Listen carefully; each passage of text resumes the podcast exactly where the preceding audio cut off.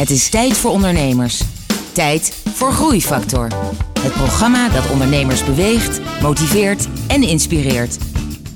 Hier is Kees de Jong, groeiondernemer en verbonden aan NL Groeit. Kan een advocaat ook succesvol ondernemer zijn? Controle binnen een bedrijf is een illusie en leidt alleen tot ergernis.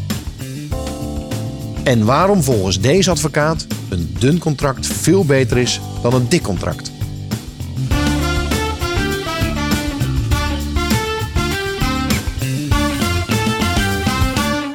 Welkom bij Groeifactor, het programma dat ondernemers beweegt, motiveert en inspireert. Met een openhartig gesprek met een inspirerende ondernemer.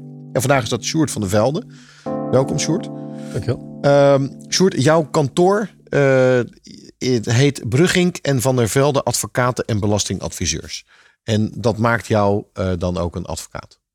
Klopt, ja. Nou, dus jij bent de eerste advocaat-ondernemer die hier uh, op de bank zit. Ah. En, en laten we het maar gelijk de koe bij de horens vatten. Is een advocaat ook een ondernemer? Ik denk vaak niet. Ik denk dat advocaten vaak ook niet, niet goed kunnen ondernemen, omdat ze alleen maar risico's zien en die ook van tevoren allemaal proberen te tackelen. Ja. Dus eigenlijk geef je het antwoord al een beetje, maar toch zit jij hier op de bank. Ja, omdat wij uh, bij ons op kantoor doen we het, doen we het anders. Het begon ermee dat uh, Harm Bruggik en ik, die, die werkten bij, bij een, nou, ik zou zeggen, een traditioneel kantoor. Prima kantoor, maar traditioneel ingericht, hiërarchisch. We wilden het dat allebei... is jouw compagnon, hè? Ja, dat is mijn. Ja. Maar wij wilden het allebei anders dan bij dat nou, traditionele kantoor waar we zaten. En we lazen toen, ehm, ik weet niet meer welke, een van de boeken van Ricardo Semler. Dat is een Braziliaanse ondernemer.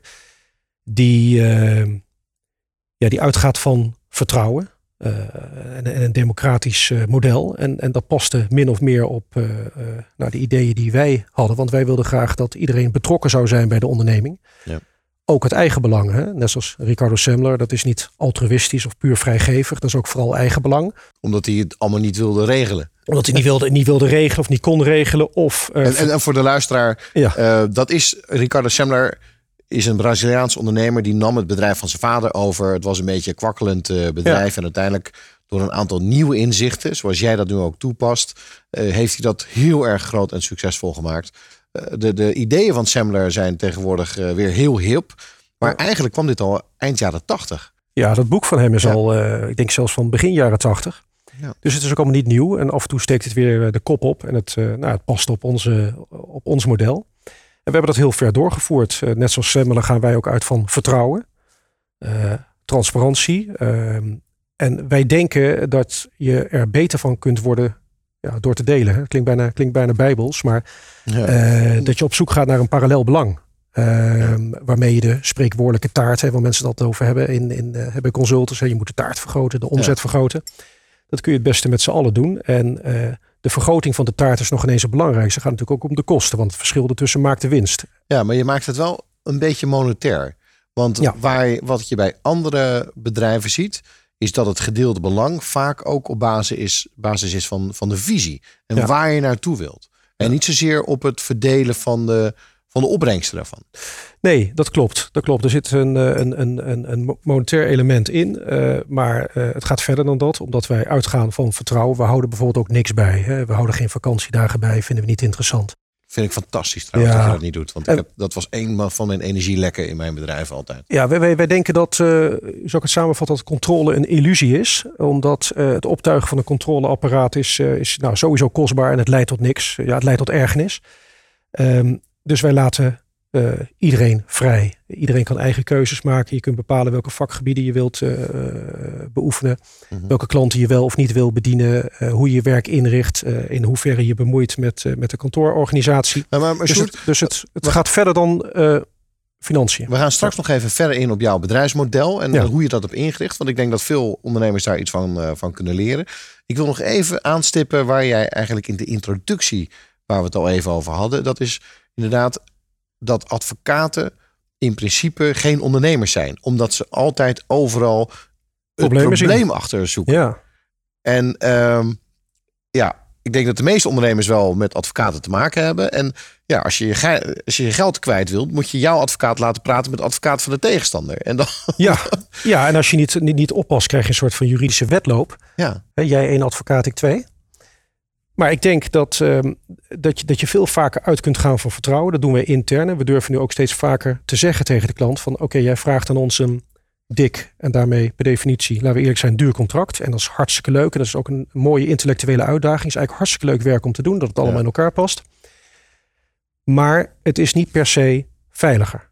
Uh, dus de klant moet wel goed weten waar hij voor kiest. Het is dus niet zo dat als je een dure advocaat neemt met een dik duur contract, dat je daarmee per definitie beter af bent. Ja.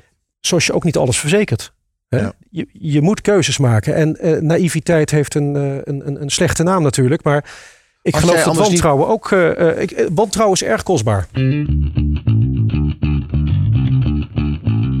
Sjoerd, uh, je hebt recht gestudeerd, neem ik aan. Ja. En had je, had je in gedachten dat je al een eigen praktijk zou, zou willen hebben? Of dacht je, nee, ik wil gewoon advocaat worden bij een kantoor? Nee, toen ik rechten studeerde had ik daar nog geen, geen idee van. Op een gegeven moment vond ik, uh, leek de advocatuur leek me wel spannend. En toen dacht ik aan strafrecht. Volgens mij, zoals veel rechtenstudenten, hè, want dat, dat zijn dingen die je op tv ziet. Holleder achter de tralies, uh, weg, uit de tralies weghalen eigenlijk. Ja, nou ja, een van de twee. Ja, maar ik, ik kwam mezelf de gedachte dat ik andere, andere rechtsgebieden interessanter vind. En dan loop je stage. En op een gegeven moment kwam ik uh, bij een, uh, een, mooi Utrechts advocatenkantoor uh, terecht. Laat ook vestigingen kreeg in, in, in, Rotterdam en Amsterdam. En dat groeide razendsnel. leuke mensen, goed kantoor. mijn compagnon Harm Brugging werkte ook daar. En, en waarom groeide dat razendsnel? Wat was het geheim daarachter? Nou, dat was ook wel echt een groeistrategie. Ehm het gekke is dat wij dat op kantoor nu helemaal niet hebben. Want ik geloof niet dat per se groot beter is. Eh, nee. Bij advocatenkantoren, veel uh, consultancyclubs, uh, dat hoe meer poppetjes je hebt, hoe beter. Big is beautiful. Ja. Ik vraag me dat af. Ik denk dat dat te hard is gegroeid. En dat het daarom met dat kantoor uiteindelijk mis is gegaan. Harm en ik zijn voor die tijd daar, daar vertrokken. En bedachten, nou, we gaan min of meer hetzelfde doen. Maar dan kleiner en fijner. En uh, groei is op zichzelf daar uh, geen doel bij. Tenminste niet qua omvang, maar wel we wilden de, de, de, de, de kwaliteit verhogen, wilden goede mensen aantrekken. Uh, ah, je zei we gaan min of meer hetzelfde doen. Dus toen had je nog niet het idee dat je het juist helemaal anders wilde doen. Nou, hetzelfde qua, qua rechtsgebieden, rechtsgebieden ah, waar we ons mee bezig houden. Hè? Dus civiel recht en, en, en, fiscaal advies. dezelfde kwaliteit, of wellicht nog beter, -hmm. maar dan wel op een hele andere manier ingericht. Ja. En, en hoe heb je die fundamenten bepaald op basis waarvan je je bedrijf, uh, jullie bedrijf of organisatie bent gaan bouwen? Uh, vertrouwen. In ieder geval intern vertrouwen. Uh -huh. uh, vrijheid. ik denk dat vrijheid belangrijk is voor een ondernemer. Want ik denk dat de vrijheid en, en ook voldoende vrije tijd leidt tot creativiteit. Dus mensen moeten de vrijheid hebben om, om, om dingen te bedenken en uit te voeren. Waarbij ook fouten mogen worden gemaakt. Terwijl juist in de advocatuur bekend staat om die om die enorm lange dagen, veel uren maken. Ja, nou, dat, dat klopt. En uh, wij hebben al vanaf dag één ingevoerd dat je bij ons parttime werkt. je mag zeven dagen werken, dat moet je zelf weten, maar je wordt er op een gegeven moment geen cent meer wijzer van. Je wordt er eerder op aangesproken als je steeds tot laat op kantoor zit. Uh, van, van loop je ergens klem met, je, met, met je werk of nou, gaat het thuis wel goed? Ja. Want let wel, op het moment dat iemand klem loopt met zijn werk of privé, heeft dat ook weer zijn weerslag op kantoor natuurlijk. Hè? Ja. Dus ook daar is een uh, gezamenlijk belang. Maar ik denk dat uh, minder werken meer oplevert. Ehm, het is geen lopende band werken. Advocaten zijn duur genoeg. Dus je mag ook een, een creatieve oplossing bedenken voor, voor problemen. En die creatieve oplossing, ik denk dat iedereen dat wel herkent, die, die heb je meestal niet als je hele avonden doorbikkelt. Die heb je op het moment dat je nou, door het bos loopt, of in het bos loopt, of in, in de stad, of in de kroeg zit, of s morgens onder de douche dan opeens heb je die, eh, die heldere ingeving. En uh, dus wij denken dat voor creativiteit ook voldoende vrije tijd en ontspanning nodig is. En dat per saldo daarmee uh, ook beter gepresteerd wordt voor kantoor en voor de klant. Ja. Oké, dus, dus, dus de waarde is um, vertrouwen, dus, dus geen, geen controles. Nee. Uh, mensen moeten nou, part-time vrij zijn, zich, zich vrij voelen en de juiste werk, uh, werkbalans. Ja. Nog andere fundamenten van, van nou, je model? Wij, wij zijn graag vernieuwend. Wij zijn, wij zijn dynamisch. We denken niet dat wat vandaag goed is, dat dat uh, overmorgen ook zo is. Dus we willen constant uh, aanpassen aan, aan een nieuwe situatie. En dat kan bij ons ook heel goed, omdat iedereen, uh, ja, iedereen heeft een gezamenlijk belang. Iedereen denkt mee aan eigen belang en daarmee kantoorbelang. Waarbij ik wel moet zeggen dat het risico natuurlijk is van zo'n organisatie waarbij iedereen mag meebeslissen dat het een, eh, een Poolse landdag wordt. Ehm, hè, dus dat het langer duurt voordat een bepaald besluit genomen is. Aan de andere kant is een besluit genomen, dan, dan kun je ook hard gaan. Want je wint tijd terug in de uitvoering. Hè? Want normaal zie je dat een besluit wordt opgelegd. Ja. En dat het op de werkvloer weerstand is. En dan duurt het uh, nou, erg lang voordat het uiteindelijk wordt uitgevoerd. Maar Ja. wij, wij, zijn, eh, wij, wij zijn wendbaar. En ehm, ik, ik denk dat dat, eh, dat onze kracht is. Maar een van de dingen die je vaak ziet bij advocatenkantoren is dat, ehm, dat, je, dat veel beslissingen die investeringen vergen, die gaan direct eigenlijk van het inkomen van de advocaat af. Dus Ja. het bouwen aan systemen die, hè, die, die een jaar of twee jaar in de toekomst zijn, dat gebeurt bijna nooit, omdat het, ja, dat, dat kost nu geld. Ja. Dus advocaten kijken er anders tegenaan. Terwijl een ondernemer, die moet altijd vooruitkijken. Als ondernemer, als leider moet je drie jaar vooruitkijken. Omdat je dan nu al misschien dingen moet doen die, die impact hebben. Dus hoe werkt het dan bij jullie? Makkelijker, Ehm, beter of, of net zo slecht als, binnen, als bij de andere advocatenkantoren? Ik vind het lastig om dat te vergelijken met andere advocatenkantoren. Ik denk dat bij ons goed gaat. Hè, van beslissen gaan we in de cloud of niet. Of nou, je kunt van alles en nog wat, eh, nog wat bedenken. Ja. Of ICT-investeringen. Ja, dat gaat bij ons eh, redelijk soepel. Omdat we een, ook een gemeleerd gezelschap zijn. Hè. Het zijn niet alleen eh, de aandeelhouders eh, eh, die misschien hun winstdeel eh, zien slinken in het betreffende jaar. Even los van afschrijvingen en dergelijke. Maar goed, je begrijpt wat ik bedoel. Ja. Ehm, maar we hebben ook hele jonge medewerkers die denken van ja, eh, die, die, die, een, die, die een verdere horizon hebben. Eh, misschien is het wel zo door, die, eh, ja, door het feit dat we zo gemeleerd zijn, dat, dat, dat, dat verstandige beslissingen worden genomen voor korte en langere, langere termijn. En, en, en dan het tweede punt wat wel eens vervelend is, is dat, dat zie je in Nederland vooral, dat iedereen overal wil meepraten. Maar dat vervolgens moet er iets gebeuren. Ja. Dan moet het project worden opgestart en dan is iedereen druk. Ja, Dus hoe eh, creëer je ownership? hoe, hoe, nou, bijvoorbeeld eh, eh, besluit gaan we, gaan, we, gaan we de cloud in of niet. Nou, daar heb ik weinig verstand van. Maar goed, eh, dat, dat wordt dan gepresenteerd door iemand die daar wat van vindt. Die er een en ander, een en ander heeft voorgerekend. Eh, en dan heb ik al de neigingen of veel andere kantoorgenoten van nou oké, eh, zoek hem maar uit, pak het op. En dan heb je ook anderen die zich daarbij aansluiten. Die vinden dat een leuk onderwerp. En mensen die dat leuk vinden zijn er niet altijd, maar meestal wel beter in dan anderen. En dan zie je op een gegeven moment dat er dan een, een in dit geval een cloud groep wordt samengesteld. Noem het een commissie of een team of wat dan ook. Als je vertrouwen hebt in dat groepje, denk je nou, laat maar gaan. Als je er minder vertrouwen in hebt, treed toe. Of eh parachuteer een kantoorgenoot waar zegt, nou jij eh, heb ik er graag, eh, ik heb graag dat jij erbij bent. Ja.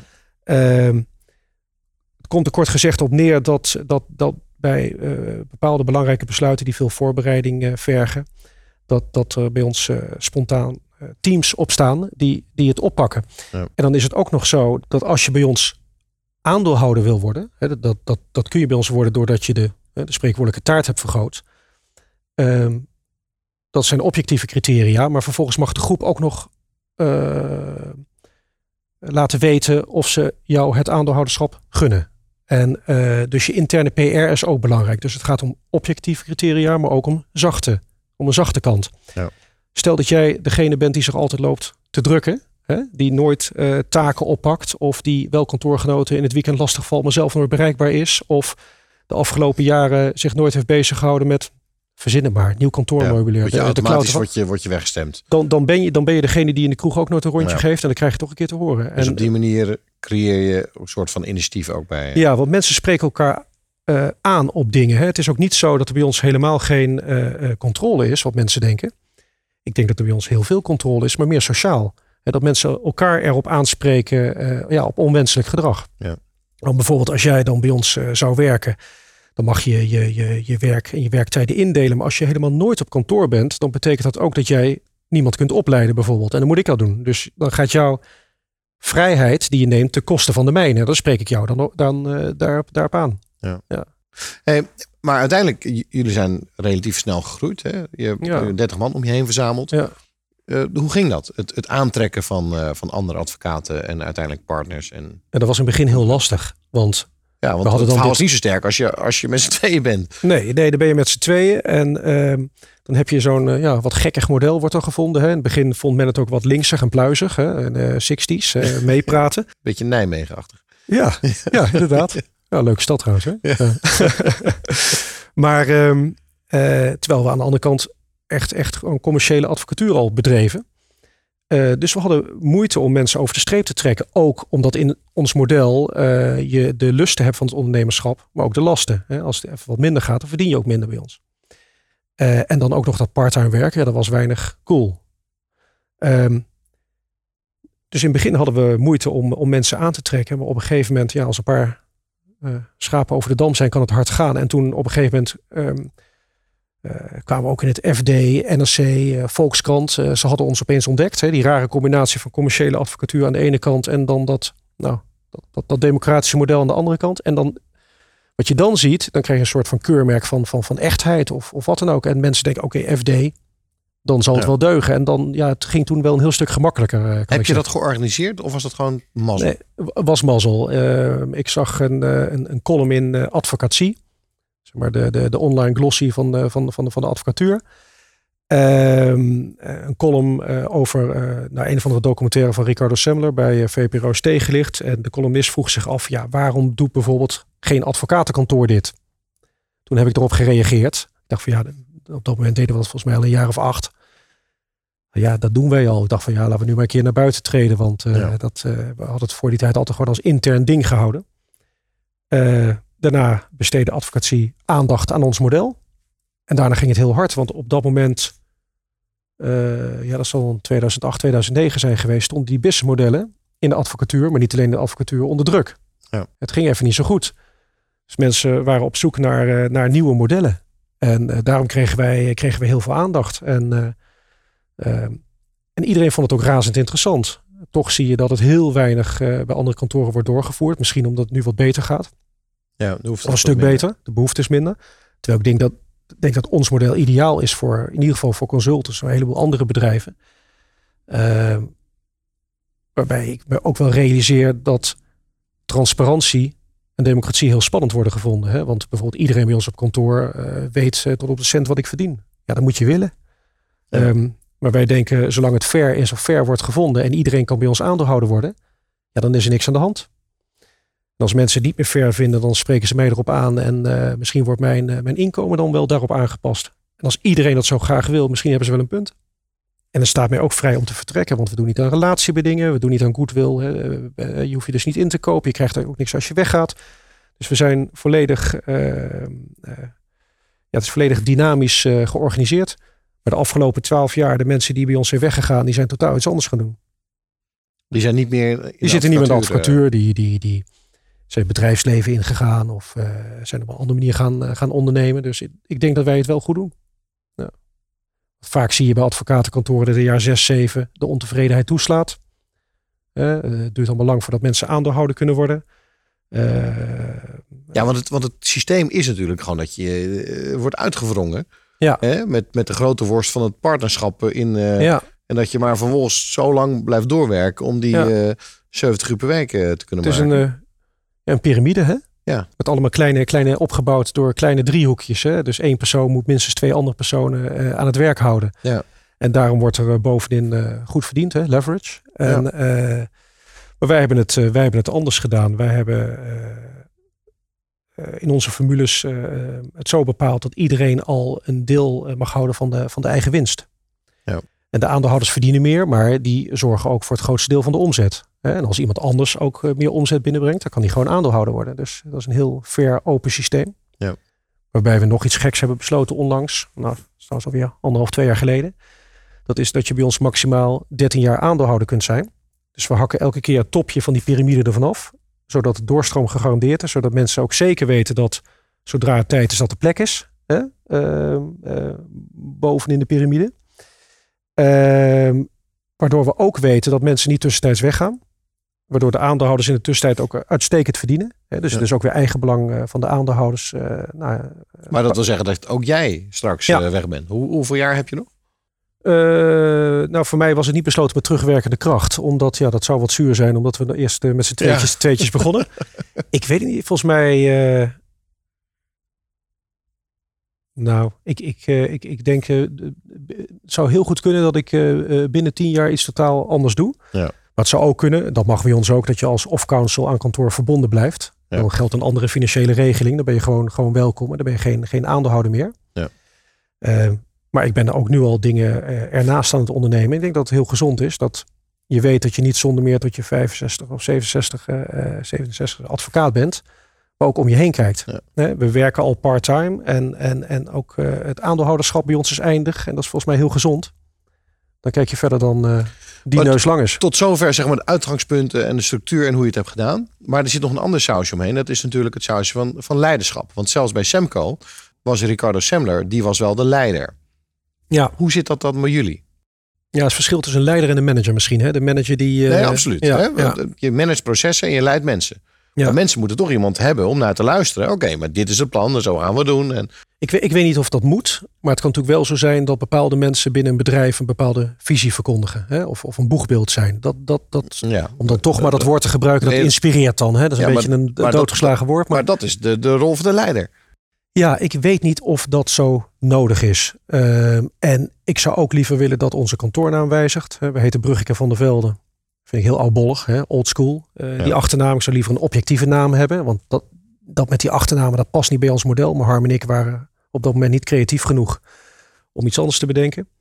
Uh, maar het zal heus gewicht in de schaal leggen dat ik, uh, dat ik de oprichter van kantoor ben en de naamgever. maar Inmiddels zijn er zoveel uh, andere bij op kantoor die al de kar trekken of die ideeën verkondigen. Uh, ik, ik ben ook niet meer zo nodig, denk ik. Ja, ja, maar je bent wel de oprichter. En uiteindelijk ja. denk ik dat het toch wordt gekeken naar de oprichters. Want het feit dat het kantoor is zoals jullie het hebben verzonnen, jullie zijn de bron. En de rest ja. is erbij gekomen. En dat wil niet zeggen dat ze minder zijn, maar het is toch zo dat jullie de bron zijn. En mensen kijken dan uiteindelijk toch naar de oprichter. Ja, ik zit hier natuurlijk ook nu. Hè? Ja, in plaats niet, van, van een kantoorgenoot. Uh, terwijl, terwijl een kantoorgenoot die zou uh, precies dit verhaal ook kunnen vertellen. Ja, niet hoe het allemaal begonnen is destijds. Maar nee.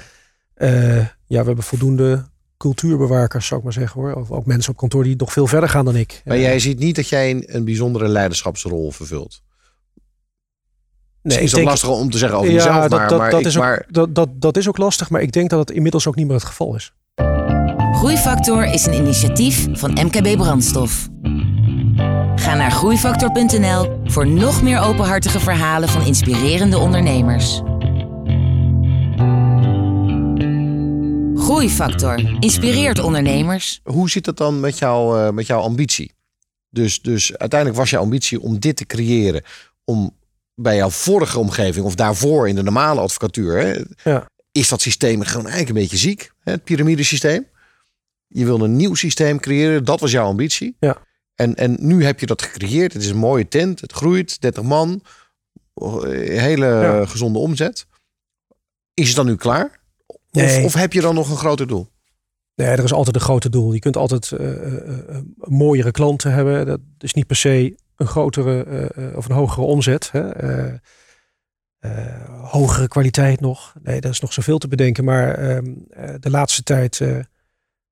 Nou, ik, ik, moet het zo zeggen. Ons kantoor bestaat uit drie pijlers. De eerste pijler is autonomie, waar we het zojuist over hebben gehad. Dus um, de democratisch en transparant mensen, eigen, mensen eigen beslissing laten nemen. Dat is ook een kernwaarde. Ja, die, absoluut, absoluut. En de tweede pijler is vakmanschap. Hè? Dus zo goed mogelijk worden in je vak. Nou, spreekt vanzelf. Wil iedereen, denk ik. Uh, maar de derde pijler die is uh, vrij nieuw. En dat is dan uh, zingeving, hè? of purpose, zoals dat genoemd wordt. ja, dat vind ik, vind ik zelf een hele interessante pijler. Leidt binnen kantoor wel tot, tot discussie. En Mhm. sommige mensen zeggen, van, ja, doe eens normaal met je purpose. Hè? Want wat is dan jouw purpose? Ik denk dat, uh, dat, dat, dat ook als advocatenkantoor je, je, moet afvragen, ja, waarvoor zijn wij er eigenlijk? Hè? Wat, wat, wat, wat, wat, wat is ons doel? Ehm, en ik heb er wel specifieke ideeën over. Ons kantoor is, um, is een B Corp. Ik weet niet of je dat kent, maar dat is een... een, toevallig ken ik het. Ja, dat is een Amerikaans certificaat. Ja, en dan krijg je zeg maar de beste jongetje van de klas waar het gaat om maatschappelijk verantwoord ondernemen, de rol die je vervult in de Ja. maatschappij en, en dat soort. Ja, en kan- kan- een soort, soort sticker van eh, Ja. dat je op alle punten bent. eh, Nou, een heel, heel uitgebreid eh, assessment. Ja. Ehm, en, dan- en kun je punten scoren op gebied van eh, ja, verschillende vormen van duurzaamheid, eh, milieu of eh, de manier waarop je bent ingericht. Dat heet dan sociale Ja. duurzaamheid. Wij scoren natuurlijk met name punten op dat laatste gebied. Want Ja. bijvoorbeeld het gebied en van het is niet makkelijk om een B Corp te worden. Hè? Het is Nee, wel een nee. soort van serieus dingetje. Ja. Dat is heel serieus. En zijn bedrijven zoals Triodos en Ben Jerry's en Tony Chocolonely en Dopper, Alpha Accountants. Hè, dus we zijn niet de enige, enige dienstverlener die, die B Corp is. Dat is een heel interessant certificaat, want het gaat om bedrijven die zich ja, op een of andere manier sociaal zijn, maar wel winst willen maken. dus het is sociaal ondernemen met een verdienmodel. En ik geloof namelijk dat het anders ook niet duurzaam is. Hè? Het moet ook financieel duurzaam zijn. Ja.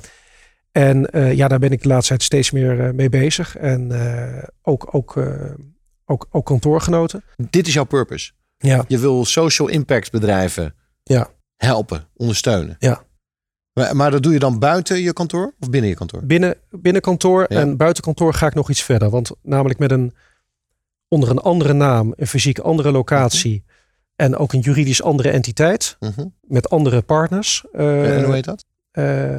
de Social Impact Factory Utrecht. Uh, En daar, daar, daar participeren wij dan in met Legal Impact. Maar ook andere bedrijven participeren erin, zoals Seeds to Meet. Dat is een uh, kantoor. Ja, bekende zeg maar, Zeker. Uh, verzamelplaats. Ja, en, Kirkman Company en de stichting Social Impact Factory. En daar hebben we tegenover Nieuw Tivoli in Utrecht. Daar heb je het, mhm. nou, bij Utrecht is dat bekend als het Vinkenpand of het Stafforspand hebben we daar allerlei ja, sociaal ondernemers bij, bij elkaar gebracht. En er vinden, vinden allerlei events plaats. En ook, ook grote horeca op de begaande grond, maar dan wel onder het credo normaal sociaal. Hè? Dus, dus de producten die, die erbij horen.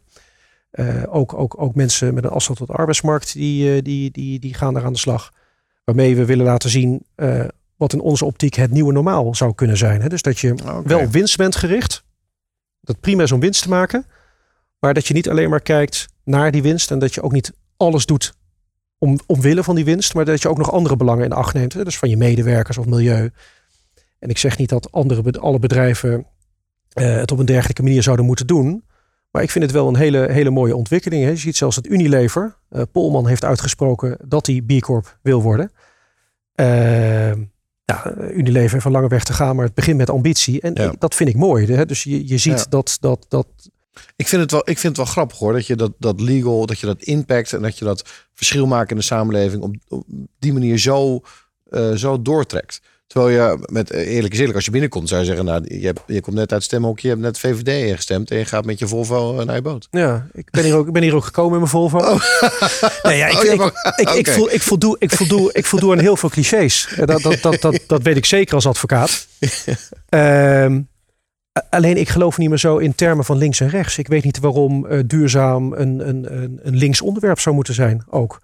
Uh, nee, en ik, je hebt helemaal gelijk hoor. Ik, bedoel, ik, ik val het niet aan, maar ik vind het juist zo verrassend. En ik vind het juist ook, ook positief. Ja. Dat je daar dan ook op die manier je tijd en, uh, en, je, en, je, vak probeert binnen te brengen in, in, dat, ja. uh, in dat gebied. Want ook daar hebben ze natuurlijk een soort van legal zeg maar ondersteuning uh, ding. Uh, nou, absoluut, absoluut. Ja. kan gaan om, om financiering en, en zekerheden met betrekking tot uh, zonnepanelen ja. in Europa of wat dan ook. Ja, er zijn hele grote partijen mee bezig. Dus het is aan de ene kant gaat het dan om bedrijven die in mijn optiek ook goed willen doen. Aan de andere kant is het ook financieel verantwoord om het daarmee bezig te houden. Ja. Dus dat is, het is niet, wat ik eerder al zei, het is niet allemaal puur altruïstisch. Het is niet allemaal puur uit vrijgevigheid, maar ik ben op zoek naar die combinatie zoals we dat ook op kantoor doen. De combinatie van eigen belang en gemeenschappelijk belang of maatschappelijk belang. Sjoerd, wat doe jij om te ontspannen naast jouw eh, drukke ja, ik heb uh, gezin met, uh, met drie jonge kinderen. Dus of ik sta of op het voetbalveld of op het hockeyveld. Of ik, ik, ik, ga, ik zit graag op de racefiets. Uh, je bent een fietser. Ja, nu de dagen korter zijn uh, worden, dan, dan, dan, dan is dat lastiger. Maar ik, het is net als met een boot, hè? Zeg maar, iedereen die een fiets heeft, die wil volgens een duurdere fiets. Ja. Of niet? Is dat met jou ook? Ja, dat zou ik, dat zou ik wel willen. Moet ik nog even thuis overleggen. ja, dat kan altijd duurder en mooier.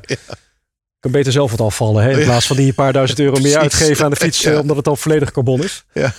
Maar uh, nee, ik heb me bijvoorbeeld ingeschreven voor de, voor de Strade Bianchi. Dat is, uh, dat is uh, komend voorjaar. Dat geeft mij reden om dan... En, en dat is dan een... Van, van, van Shannon naar Shannon. Dan ga je door, door de wijnvelden, door het, door het gravel daar. Ah, oké. En dat is een mooie, mooie reden om ja, in de winter door te fietsen. En dat is ook de stok achter de deur die ik ook wel nodig heb. Want ik ontspan ook graag in een restaurant of café. Hè? Dus, ja, ja, oké. maar dus er moet ook af en toe gefietst worden. Ja, ja. ja klinkt, klinkt heel gezond. Ja, ja. We lopen een beetje naar het einde van het, van het gesprek. En, en dan proberen we het toch een beetje samen te vatten. wat de belangrijkste inzichten zijn eh, waar ondernemers iets mee kunnen straks. Ja. En eh, er zijn er heel veel. Ehm, ik vind met name ook je oriëntatie op je, op je, op je purpose. Hè, op je, wat je dan wil, eh, waarom je het anders wil. En dat vind ik mooi. Maar zou je nog een aantal inzichten kunnen, kunnen samenvatten? Twee of drie, waar ondernemers die nu aan het luisteren zijn iets mee zouden kunnen? Ik, ik, ik denk dat, ehm, dat is misschien ook atypisch als een advocaat dat zegt. Ik denk dat je niet te veel tevoren moet proberen uit te denken, omdat dat nu eenmaal niet kan. Uh, de werkelijkheid is gekker dan je van tevoren kunt, uh, kunt bedenken. Uh, dus je kunt volgens mij best vertrouwen op je, op je inzicht op dat moment. Dus handelen naar bevind van zaken. Ja. Verder denk ik dat veel vaker gebruik kan worden gemaakt van de ja, collectieve denkkracht, of hoe je het ook wil noemen, van, van medewerkers. Als je vertrouwen hebt in medewerkers, kent ze dan ook in, in, in problemen. En dat werkt enorm motiverend ook voor ze. Als ze mee mogen denken met, met, met de issues die spelen voor bedrijven. Ja, en als er een keer een, een, een, wat nadere beslissing moet worden genomen, dan begrijpen de mensen dat ook. Want ze zijn al eerder meegenomen in dat probleem. En, en, en, kennen de cijfers en weten dan ook dat het uh, helaas niet anders kan. En kennen de cijfers dan even een zijpaadje, die transparantie. Ja, transparantie, transparantie is ook heel belangrijk. Enorm, ja. Ja, ja. Goeie. Je moet, je moet je ook afvragen waarom je over bepaalde dingen dan niet transparant bent. Hè? Er kan best een goede reden voor zijn, maar je moet je wel afvragen. En niet als automatisme ja. Uh, alles besloten houden. Dat, uh, ja. Nog een laatste? Ik denk dat uh, een, een, een, een dik en daarmee duur contract niet per definitie meer veiligheid biedt. He, dus je, als je vertrouwen hebt in, in, je, in je zakenrelatie, dan zou het best te overwegen zijn om eens een keer een korte contract op te maken met een, zoals het heet, uitgebreidere considerans, waarin je aangeeft wat nou de bedoeling is. En dan minder tijd en energie besteden aan de uitwerking en aan uh, bijlage 24a. Um, dat, dat, dat bespaart een heleboel kosten en uh, goede kans dat je daarbij net zo goed af bent als met, dat, uh, met de dikkere variant. Wat een, wat een mooi advies van een advocaat hier op de bank. Sjoerd, ik wil je enorm bedanken voor dit gesprek. Ehm, ja, ik ben een aantal keer verrast. en, en ik wilde je dat nog even meegeven. omdat je zo'n andere advocaat bent dan de meeste andere advocaten die ik, die ik ken.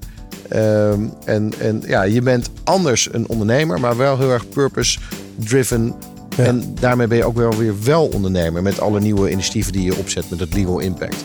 Dus wat dat betreft geslaagd uh, als ondernemer met vlag en wimpel. Dus ik wil je daarvoor uh, danken voor het gesprek. Dankjewel en dank voor de uitnodiging. En voor de luisteraars, je luistert naar Groeifactor. En graag tot een volgende uitzending van Groeifactor. Groeifactor is een initiatief van MKB Brandstof. Ga naar groeifactor.nl voor nog meer inspirerende verhalen van mede-ondernemers. Groeifactor beweegt ondernemers.